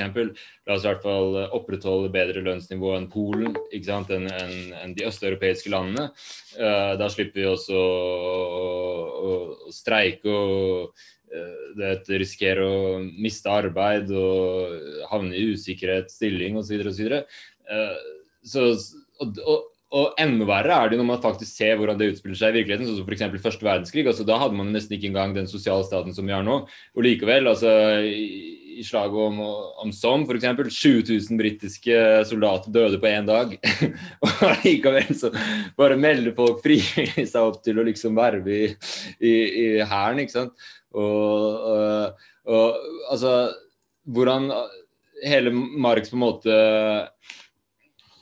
teori, eller i hvert fall når det kommer til foreskrivelser for hvordan vi skal overkaste kapitalismen, baserer seg på en internasjonalisme ikke sant? En, og en internasjonalistisk ånd blant arbeiderklassen. Men den har jo vært uh, faktisk fraværende, må man si. Og til og med nå i, i globalismen, så la oss si teoretisk sett, om, om arbeiderklassen uh, organiserte seg langs produksjonslinje, så ville det jo vært lang, uh, mulig å virkelig liksom bedre levevilkåra i, i hele verden. Men det man ser istedenfor skjer, er jo nettopp at arbeiderklassen organiserer seg, eller i hvert fall deler, altså store deler blir jo bare rett og slett apolitiske og velger å ikke frastå fra å stemme, sånn som i Vest-Europa. Men, men, også seg rundt f.eks. i hvert fall i periferie områder, ikke sant? rundt eh, Le Pen, eh, Trump, eh, høyrepopulisme osv. Eh, proteksjonisme og til og med når man ser på sosialdemokrati, ok, Melanchon, sånn som Rødt, hva er det som egentlig er liksom, til syvende og sist retorikken? Det er la oss få tilbake sånn som det var før, når vi hadde liksom god, trygge proteksjonisme, trygge arbeidsplasser på en nasjonal basis. Ikke sant? Uh, og, og, det syns jeg er veldig veldig utfordrende, altså utfordrende, og jeg skjønner ikke, syns det er vanskelig å se en løsning for det. Og Jeg, at, jeg tror kanskje at marxister har tradisjonelt liksom hatt vi har regnet med ok, vi har bare tenkt i form av liksom klasseinteresser og klasser, men folk til syvende og sist identifiserer seg ikke bare som det. Du er en arbeiderklasseperson, men du identifiserer deg ikke bare som det. Du er fortsatt en, du er en nordmann, ikke sant. Uh, en, uh, ja. Så det mener jeg er et problem. Når det kommer til selve det ulike byttet, altså, så jeg er en enkel, simpel student. Jeg vet ikke, Det er vanskelig, men det som jeg i hvert fall mener er at fra et økonomisk perspektiv hvert fall så burde man prøve å utvikle alternative forklaringer og modeller til disse her eh, nyklassiske, eller dominerende også fra til og med fra politisk økonomien med Ricardo osv. Fordi de rett og slett ikke er de, de, de, de, rett og slett kan ikke forklare noen ting, og de stemmer overhodet ikke med uh, empirien eller data eller noe som har skjedd i historien. Så, så man bare rett og slett uh, ja, utvikler forskjellig uh, om, om ulikt bytte osv. Det er sånn Jeg mener Jeg, jeg, jeg, jeg syns i hvert fall at, at Sjeik der representerer kanskje det mest interessante ja, alternativ som har blitt mm, kommet de siste årene. Så, så, ja, det er egentlig det som jeg skulle si. Da har du Anders, og så Tore Linné, og så Jørn. Og så oppfordrer jeg folk til å tegne seg. Jeg hadde trukket meg og tegna meg sånn at jeg er bak først Tore Linné, og så Jørn, og så meg. Så jeg kan bare vente i køen. Den er grei, da er det Tore Linne.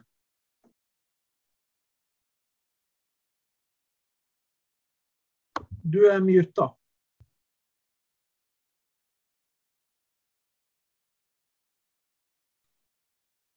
Du må slå på lyden, Tore.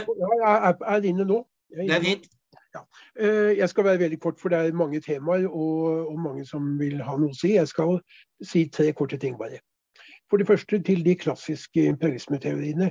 Jeg syns i vår tid, hvor vi har så mye vi skal lese og lære og tenke på, så syns jeg ikke man skal bruke altfor mye tid på Lenin. Eh, det er ikke en imperialismeteori. Eh, det er litt Thompson, og så er det litt å forklare hvorfor arbeiderklassen gikk mot hverandre i krigen at de nærmest var særlig arbeideraristokrati, var liksom bestukket av utbytting. Og det, det, er greit nok. Det tar to, to, minutter. Eh, skal man jobbe litt med de klassiske teoriene, så slår jeg slag på Rosa Luxemburg, selvfølgelig. For hun, er, hun leverer en teori om akkumulasjon, om akkumulasjon, om nødvendig ekspansjon. Eh, og den videreføres i dag også ved at det er kapitalens akkumulasjonstvang, ikke bare på globalt nivå, men også innad i statene, ved at man nettopp underlegger sektorer som ikke før var en del av det kapitalistiske markedet. Eh, enten førkapitalistisk eh, eller statseid. Ehm, eller drevet. Og det er jo en teori, eh, rett og slett. Hobson og, Lenin er interessante for historikere, men, men, vi skal ikke bruke mye tid på dem. Det er mange nålevende og skarpskodde folk som har det til felles at det heller ikke er blekansikter. Eh, som i Amins navn. Jeg syns det er vanskelig å komme utenom en diskusjon her. For han opererer også utvidet i forhold til den mer økonomistiske debatten som har preget uh, samtalen så langt, uh, til å snakke om en imperialistrente som folk i vår del av verden, nesten uavhengig av klasse, drar fordel av. Som er knyttet også til militært overtak som holder andre land på plass hvis de gjennomfører en nasjonal reise. Eh, en ideologisk eh, rente eh, ved at man sannsynliggjør gjennom det ideologiske hegemoniet hva som er en riktig fordeling i verden osv. Altså en mye mer omfattende som tar hensyn til ideologi, politikk, kultur og, og militære. Hvis vi er ute etter en imperialismeteori, så er det viktig. Sånn som de indiske økonomene Utsa og Patnaik også, eh, som ble anmeldt i sist, nest siste nummer av, eh, av Gnist eh, av Peder Martin Lysestøl. Men så veldig kort til dette med verdi og bytte. Jeg tror, i motsetning eller i forhold til det Oskar sa For øvrig må jeg si at Oskars viktigste bidrag, som man må utvikle mer, det er jo selvfølgelig eh, avsløringa av eh, Brånen-Marsdal-tesene, liksom. Eh, og særlig Bronnens ideal, som er en blanding av Mette Fredriksen og Vedum. Eh, det har liksom ikke noe eh, med venstresida å gjøre. Men jeg tror det er litt lenge siden det var sånn at man forklarte ulikt bytte ved så stor forskjell i produktivitet eller tid som går med. Og at det skulle på en måte være forklaringa. Slik at i og for seg var utbyttinga mye sterkere i vår del av verden, fordi produktiviteten var så mye høyere i forhold til lønn osv. Eh, I dag, hvis man besøker en fabrikk i Kina i dag, eh, så, og robotisering og hardt oppdrevet både arbeidstempo, men høyt teknologisk nivå, så skiller ikke det seg grunnleggende fra produksjonen i vår del av verden. Bilfabrikkene i Brasil har ikke noe lavere produktivitet enn bilfabrikkene i USA. Jeg tror at Skal man forklare hvorfor det da blir så stor ulikhet i pris på et marked, eh, så har det å gjøre med arbeiderklassens organisering og arbeidskraftreservoarene eh, og statens kontroll i Kina over arbeiderklassen. Og de store arbeidsløshetstallene i land i sør, eh, som gjør at eh, det blir så, kan bli så stor forskjell i pris. Jeg tror det er mer interessant empirisk inngang til det i, i, i, i dag. Så tror jeg også Eh, at det slår inn i vårt eget samfunn når vi diskuterer arbeiderklasse og imperialisme også. Eh, for man kan jo forestille seg at hvis arbeiderklassen organiserte seg eh, i, eller var i stand til å kjempe fram slik som man kjempet fram i vår del av verden, altså i Kina eller Vietnam eller Bangladesh, så ville jo norske lønnsarbeidere ved lønnsoppgjør har helt andre krav til kapitalinteressene i Norge eh, på lønn, hvis man, ikke, hvis man måtte betale eh, for eh, TV og datamaskiner og billige klær. Så det henger litt grann i, i, i hop. Så, eh, jeg tror jeg skal slutte med det punktet der, fordi eh, man må kunne diskutere hvorvidt uh, denne imperialistrenta også da uh, fordeles liksom, til ikke bare kapitaleierne. Siste spørsmål kanskje, Oskar, dette med, med, med nasjonal kapital. Um, det er klart at, som du pekte på, så har jo er det kamp, og som Marx har lært oss, kamp mellom kapitalinteresser innad i hvert enkelt land. Men så har de også noen sånne fellesinteresser som staten og Arbeiderpartiet tar seg av for dem. Eh, på det globale nivå eh, så er det også, eller bør vi diskutere hvorvidt det også finnes eh, tilløp til å mellom nasjonalkapitaler og deres representanter. F.eks. i Davos-møtet i disse dager. Er det slik at de også forsøker nettopp å dempe konflikten ved å tenke seg en sånn felles ordning. Jeg tror ikke de lykkes i det, og det er den store forskjellen på nasjonale planer. For det finnes ikke noen sånn overordnet stat. Men, men, vi bør allikevel være oppmerksom på den ideologiproduksjonen som foregår her. Uh, og som knytter liksom felles interesser uh, mellom alle land, felles interesser mellom nasjoner, felles interesser mellom klasser, som uttrykkes gjennom at Børge Brende og Espen Barth Eide bytter plass annenhver gang. Eh, så vi må også se er det noen sånne til, hva betyr det også. Så jeg slår slag for kulturell ideologi, rasismen, nasjonalismen, militæret, og, og forsøke å tenke oss en mer helhetlig imperialismeteori. På samme måte som vi forklarer norske eh, samfunnssystemet, så forklarer vi det ikke bare med profittrate. Det var det i all korthet. Hei. Stå på. Veldig spennende. Takk skal du ha.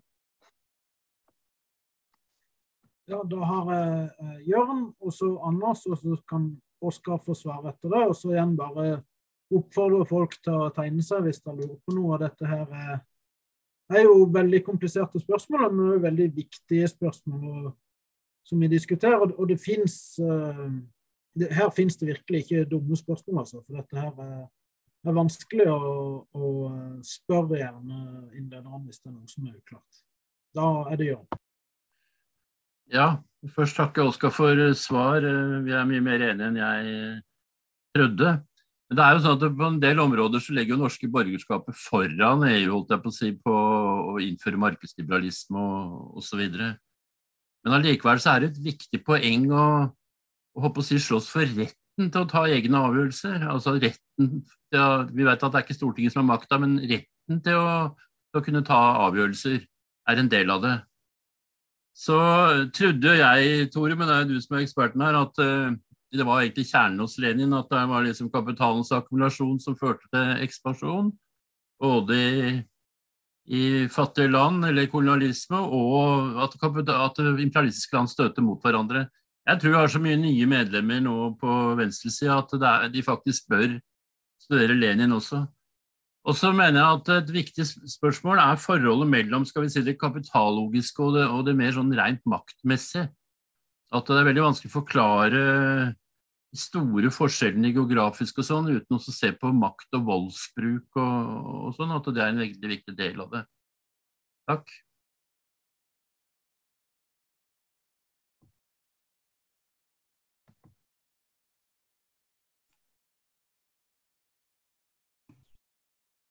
Da var det kanskje min tur? Det var det. Ja, altså eh, Mye å kommentere her, og det er jo en debatt man ikke har hatt liksom, på en, en god del tiår. Men jeg er enig med, med, med eh, liksom delvis med Torlinné at man må komme forbi Lenin. Men det er jo et, et referanseverk, det er en bok som alle kan uh, lese. Og da vil jeg legge stor vekt på at, at jeg tror hele troen på liksom at det var et frikonkurransestadium, og så har jeg fått et monopolkapitalstadium, det leder litt galt av sted. Det leder galt av sted. Og det ser vi igjen i, i Barron og Sweezy og liksom nyere teori, at, at det har fungert på en måte som en, litt som en unnskyldning for at uh, kapitalismen ikke har gått inn i en dypere krise videre, at uh, viktige mekanismer som lå hos Marx ikke er oppfylt. La meg bare si sånn, men uh, vi, vi, kommer ikke for, for, forbi Lenin, så jeg er enig med Torliné at Rosa Luxemburg, da hun var lærer ved Partiskolen, oppdaga og så liksom at i deler av kapitalen så er liksom realiseringsproblemet ikke drøfta veldig. Og det er det hun liksom tar fatt i. At noen må liksom kjøpe varene. Det er riktig at grunnlaget er produksjonsfæren, men noe, det må være liksom, dette er en helhet. så det, Sirkulasjonssfæren må også fungere. for Hvis ikke må, uh, liksom verdien blir realisert, på en måte, så, så skjærer det seg. Og Så kan man godt si at de forklaringene hun hadde, med, som var liksom preget av hennes tid, med imperialistisk ekspansjon, åpne andre markeder, få liksom uh, sånn Det kan gjøres på andre måter. Altså, du, vi har jo en gigantisk voksende gjeldsboble som kanskje har samme funksjon som det utenlandsmarkedet hadde i Rosa Luxemburgs teori, men jeg mener hun, hun peker på et produktivt teori, eh, produktivt, eller viktig fenomen. Og så sier hun da også noe som jeg mener er viktig, at liksom, profittratens fall er selvfølgelig viktig, men i, i, en dialektisk sammenheng så er på en måte i første omgang så er på en måte det at profittraten ikke klarer å holde seg, det er jo bare fordi du ikke klarer å realisere eh, verdiene til den prisen du hadde forutsatt. Og så får det i seg sjøl en negativ virkning på investeringslyst og disse kenyanske. Så når, når, du, når, du, når du, profittraten begynner å falle, så kommer du ned i en nedgangsspiral. Men i og for seg, litt isolert sett, så er profittraten bare, bare, et uttrykk for at du ikke klarer å realisere verdien. Sånn? Så den er, den er, ikke noe eh, liksom ekstern årsak. Dette er jo et kretsløp, og det at profittraten faller, er et uttrykk for realiseringsproblemene i kapitalismen. Og så, bare veldig kort, jeg mener at det er litt ufruktbart å si at liksom, eh, staten er borgerskapets stat. Fordi det, det blir eh, vanskelig I demokratiet, etter min mening, gjør at staten er en kamparena. Det er en kamp om staten. Og stort sett, og i aller fleste historiske perioder, så bruker eh, så har liksom borgerskapet hegemoniet, bruker staten til sine formål. Men vi ser delområder og perioder hvor liksom det er sterk radikalisme, og staten på en måte kan tjene folk i anførstegn. Så jeg, jeg, tror liksom det er litt eh, liksom, det, det, har lett for å føre til at man ikke legger liksom, nok vekt på kampen om uh, staten og, og, og statsmakta. Uh, og la meg bare si at liksom, når f.eks. sånn som steigan.no har Eh, liksom en sånn gjen, litt gjennomslag og vinner gehør blant folk på den globaliseringstesten, så har det ikke så mye med liksom selve imperialismesynet altså Jeg er helt enig med Oskars kritikk av at det liksom finnes en sånn Davos globalkapital som er helt enig sånn. Den er mye mer fragmentert. Den prøver å, å komme sammen til noen felles interesse, hva som stort sett er mislykka. Men liksom, det folk tenker på, liksom, og, og Brånen liksom spiller eh, opp til, er jo liksom spørsmål om arbeidskraftinnvandring. Er er eh, arbeiderklassen interessert i fullstendig fri flyt av arbeidskraft. Og, og det kan, Hvis ikke venstresida liksom tar opp sånne spørsmål direkte, så, så ha, svarer ikke på det folk står på. Og et, bare for å runde på det, Etter min mening så må eh, høyrepopulismens framgang i Europa særlig, og det har Aspen Wahl tatt opp i en uh, artikkel i, i Vardø nylig, må skyldes at, at man er liksom borgerlig liberal når det gjelder arbeidsinnvandring. Man er helt for eurosonen. liksom. Og det er der liksom kampen om liksom har nasjonal selvstendighet noen betydning. Og Etter min mening så burde ikke Brånen eller vi bruke ordet nasjonal eh, selvstendighet. Vi burde si Staten er der arbeiderklassen kan kjempe for sine interesser, og derfor er den viktig. Derfor er demokratiet eh, viktig. Det finnes ikke noen nasjonale interesser. Det, det er en myte. Men arbeiderklassen kan sette gjennom sine interesser gjennom den nasjonale staten. Det er, det, det er der du kan bruke stemmerett og overvinne kapitalmakta. Eh? Fordi hver mann har én stemme, mens noen har jævla mye penger. Så, så, jeg mener at det er et viktig perspektiv. At liksom, staten er demokrati, og demokrati er egentlig ganske farlig for kapitalen. Runder av der. Da er det Oskar, eh, Mikael og så Sindre. Ja, skal vi se. Det var mye, mye greier. Få se hva jeg klarer å dekke over. Jeg begynner i omvendt rekkefølge, da. Det jeg husker. Eh, når det gjelder Jeg sa jo eh, ikke Selv om jeg skal ikke si at jeg ikke mener det, men jeg sa ikke at eh, staten er borgerskapets stat. Jeg sa at den er, liksom, den er totalkapitalens representant. Og det arbeiderklassen inngår i totalkapitalen som den delen, som den delen som byttes eh, mot variabel kapital.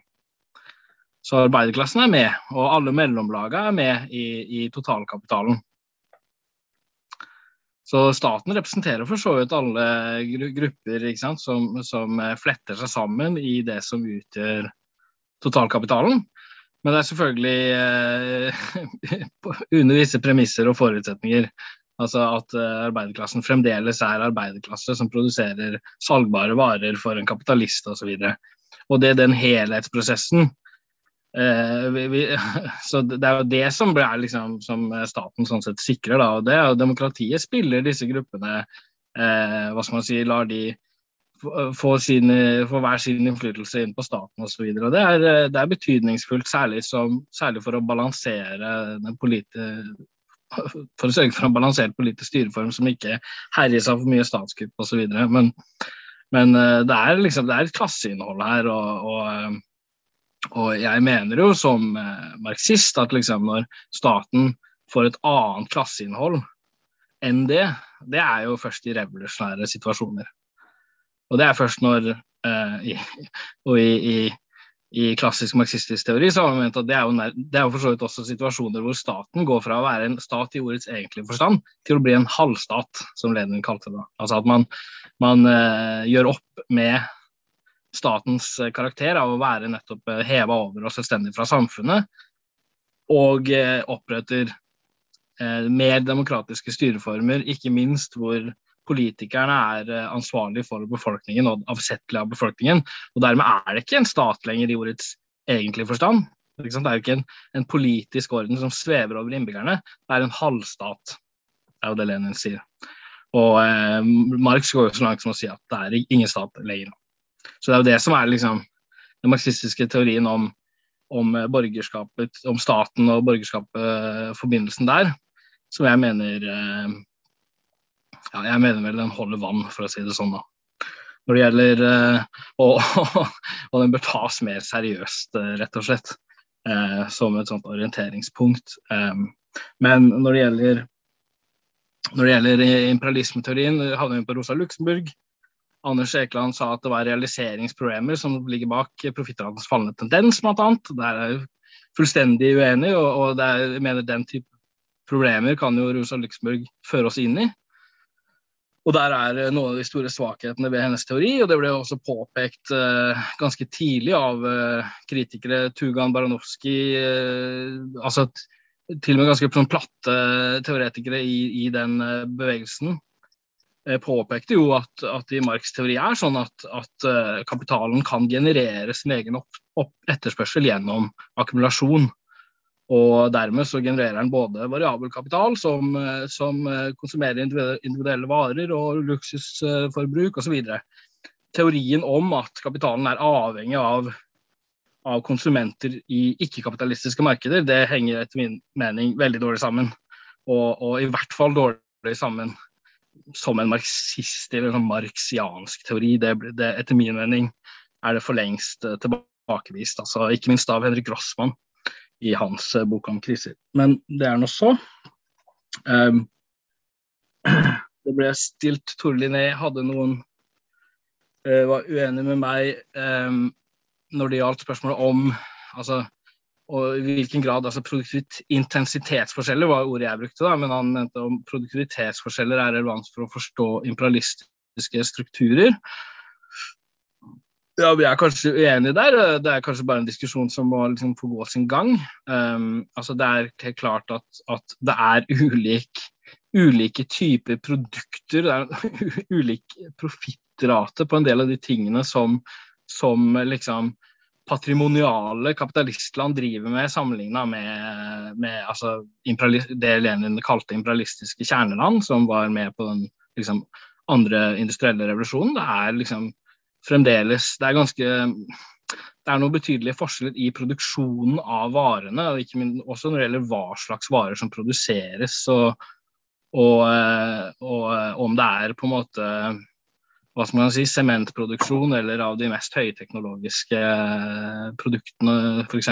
Sånn. Det er noen, det er noen liksom relevante forskjeller der som, ikke, som, som jeg tror man, en imperialismeteori bør ha ha blikk for, da, for å si det sånn. Det, det ligger noen skjevheter forankra i, i, produksjonen. Um, ja. Uh, så var det også et spørsmål stilt av Tor Linné, så vidt jeg skjønte det, om liksom, i hvilken grad, eh, sånn som på Davos osv., om, ja, eh, om, om det er noe Om det bare er om det, om, om det finnes liksom aktører som genuint prøver å promotere den globale kapitalismen, eller om det bare er marionetter for ulike nasjonale kapitaler.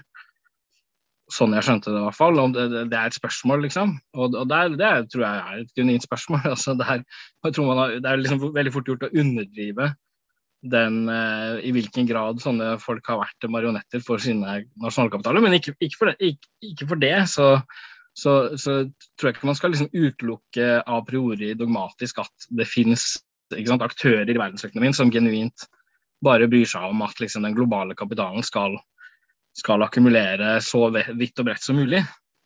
Og det finnes liksom, noen eh, folk som Paul Kamak, eh, en fyr som, som er sånn professor i global politisk økonomi i Storbritannia, som argumenterer veldig hardt for at er, i mange sånne globale institusjoner så er det sånn. og det er liksom, ja, Så det skal ikke, skal ikke være for, for avvisende til det, selv om det er som jeg tror det er det har blitt overdrevet hvor mye det er faktisk er tilfellet ja, det var, det var liksom det jeg klarte å huske av ting som hadde kommet. Da er det Mikael og så Sindre, og så er det fortsatt bare å tegne seg. Ja, øh, jeg kom litt seint i, så jeg, jeg, fikk ikke med meg alt øh, som ble sagt før øh, Oskar sin innledning. Men jeg bare tenkte, bare hadde et spørsmål til Oskar. for det, det, har blitt nevnt litt sånn herre Eh, Luxembourg og jeg hørte vel også David Harvey bli nevnt. Og så bare tenkte jeg, eh, siden både Anders og Tore har på en måte slått et slag for at man må komme seg forbi Lenin, og så virker det jo som at eh, liksom, kanskje det neste sånn logiske skrittet da, Det kan at jeg ikke har helt fulgt med på imperialismedebatten de siste ti årene, det har jeg sikkert ikke. Men i hvert fall at man burde se på hva Eh, David Harvey og folk som John Smith skrev. da. Så jeg bare tenkte eh, å høre hva, hva som eh, For jeg vet at Oscar har skrevet om David Harvey før, da. Men jeg tenkte hva, hva tenker du om Harvey og John Smith, da, som på en måte representerer mer I hvert fall sånn jeg har lest han, altså mer sånn klassisk leninist Eller tolkning av Lenins imperialismeteori. da.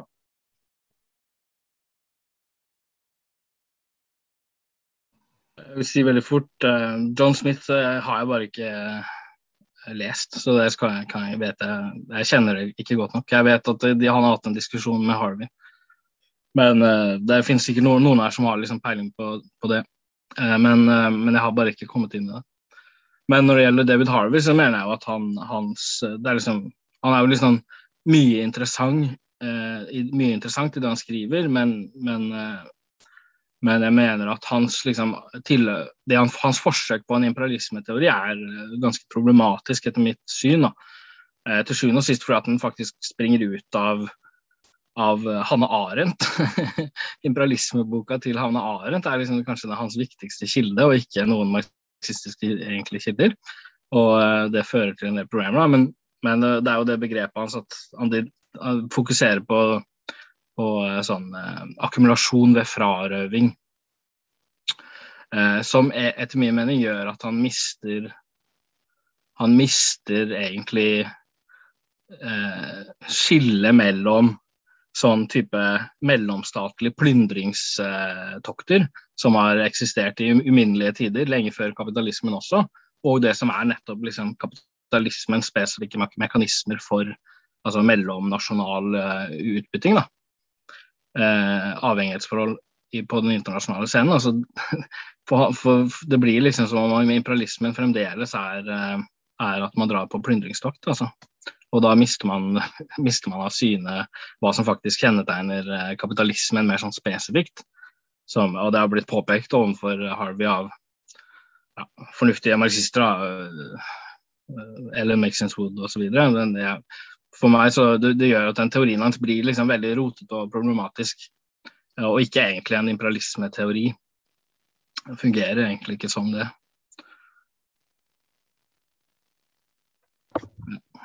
Da har jeg bare Sindre igjen, og så lurer jeg på om vi skal, skal runde av med Sindre. Og så kan jeg jo bare si at den uh, artikkelen til Sindre som uh, utløste møtet her, den uh, finnes jo både i Sosialistisk Framtid på papir og på internett. Så da kan dere google Sosialistisk Framtid, eller gå inn på sida vår på Facebook, eller på sosialistiskframtid.wordpress.com. Og så, siden artikkelen til Sindre heter 'Problemer i, nei, i marxistisk imperialismeteori del 1', så kan vi jo se fram til en del to i framtida. Håper da, kanskje ja, Den er bare å se fram til i framtida. Det kommer til å bli det beste som har blitt skrevet noen gang om marxistisk imperialismeteori i historien. Det kan jeg garantere dere. Bare, nei, men, eh, nei, men selve altså, hovedproblemet altså, Det som jeg prøvde kanskje med banesuksess, er å bare simpelthen belyse at jeg mener at det er imperialisme som tema innenfor marxisme, i hvert fall hvis vi snakker om innenfor altså, Som marxistisk teori, da. Altså, der, hvilken, altså, det er problematisk etter min mening. Og jeg mener at vi ikke har en klar uh, imperialismeteori som vi kan si i hvert fall er marxistisk i, i dag. og det er, det er, derfor også det er en del motsigelser i den. F.eks. noen fokuserer på produksjon, noen uh, fokuserer på sirkulasjon. Og så prøver jeg å, um, på en måte um, for, liksom forklare hva Altså, det går ikke, ikke sant. Men, men men, men, men, det mener jeg er et uh, generelt problem. Uh, men det som jeg synes er interessant med de klassiske i hvert fall imperialismeteoriene, er jo nettopp at de i hvert fall i det minste forbundet imperialismen til økonomien. ikke sant? De sporet uh, imperialismen til noen sånne tendenser som finnes i kapitalismen. og når det kommer til akkurat Lenin, så mener jeg sånn ok, hadde Lenin en imperialismeteori? Kanskje det var først og fremst popularisering av Bukharin og Ilfeding, men det er fortsatt fortsatt i hvert fall en teori. Det er i hvert fall en teori, og Hobson spesielt har jo nå blitt uh, tatt opp igjen. og synes i hvert fall at det er interessant. Så kan man diskutere okay, kausaliteten, uh, forholdet med det. Men i hvert fall, jeg mener at det er viktig, i hvert fall, jeg synes at det som er interessant, er nettopp at hvert fall, de forbinder i hvert fall imperialismen med disse her tendensene som de i hvert fall mener finnes i kapitalismen. Da. Og det, det, er jo liksom i moderne, i hvert fall i IR osv., sånn som vi studerer på universitetet, nesten ikke eksisterende. Og til og med nå, så når de forklarer uh, første verdenskrig, så igjen så begynner de å liksom forklare det ut fra globalisme osv. Helt ideelle liksom sånne her uh, liberalistiske modeller som aldri har eksistert i virkeligheten. Og, og, og det er i hvert fall i hvert fall ikke de klassiske marxistteoriene. Når det kommer til egentlig utover det, så, så sa egentlig Oskar alt det, det, meste jeg ville si, for jeg er i hvert fall helt uenig i uh, at, at, at, Luxemburg sin på en måte er, uh, er bedre enn uh, de andre sine. At, at profittratens fallende tendens har noen ting med realiseringsproblemet. altså beste fall veldig sekundært, liksom, men, men ja, og, og, ja. Så egentlig vet ikke hva man skal si, men jeg, jeg, jeg, tror, jeg tror, at um, om imperialisme generelt tror jeg blir viktigere, for jeg tror at det kommer til, vi kommer til å se mye mer konflikter også pga. klima. Eh, krisa, og vi kommer til å ha dette problemet igjen. ikke sant, at Vi diskuterer hvem er det som er skyld i de ulike konfliktene. Eh, de ulike nasjoner kommer til å ta liksom, ulike nasjoner, folkene kommer til å ta stilling for sine land i de konfliktene. Og du kommer til å få helt nær uh, gamle liksom ja, kommer til å bli som før igjen. Altså. du går tilbake i tiden. Alt starter på nytt igjen. ja, takk for det, Sindre, og, og, og takk både til Sindre og Oskar for innledninga. Takk ikke minst til alle som deltok og, og stilte spørsmål og, og hørte på. Uh, så kommer vi til å ha flere sånne møter. Situasjonen er jo gjør dette temaet desto mer aktuelt med, med en spent uh, sikkerhetspolitisk situasjon, økonomiske ulikheter. Vi kommer tilbake til det, og diskusjonen fortsetter, og kampen fortsetter. Så takk for godt møte, kamerater.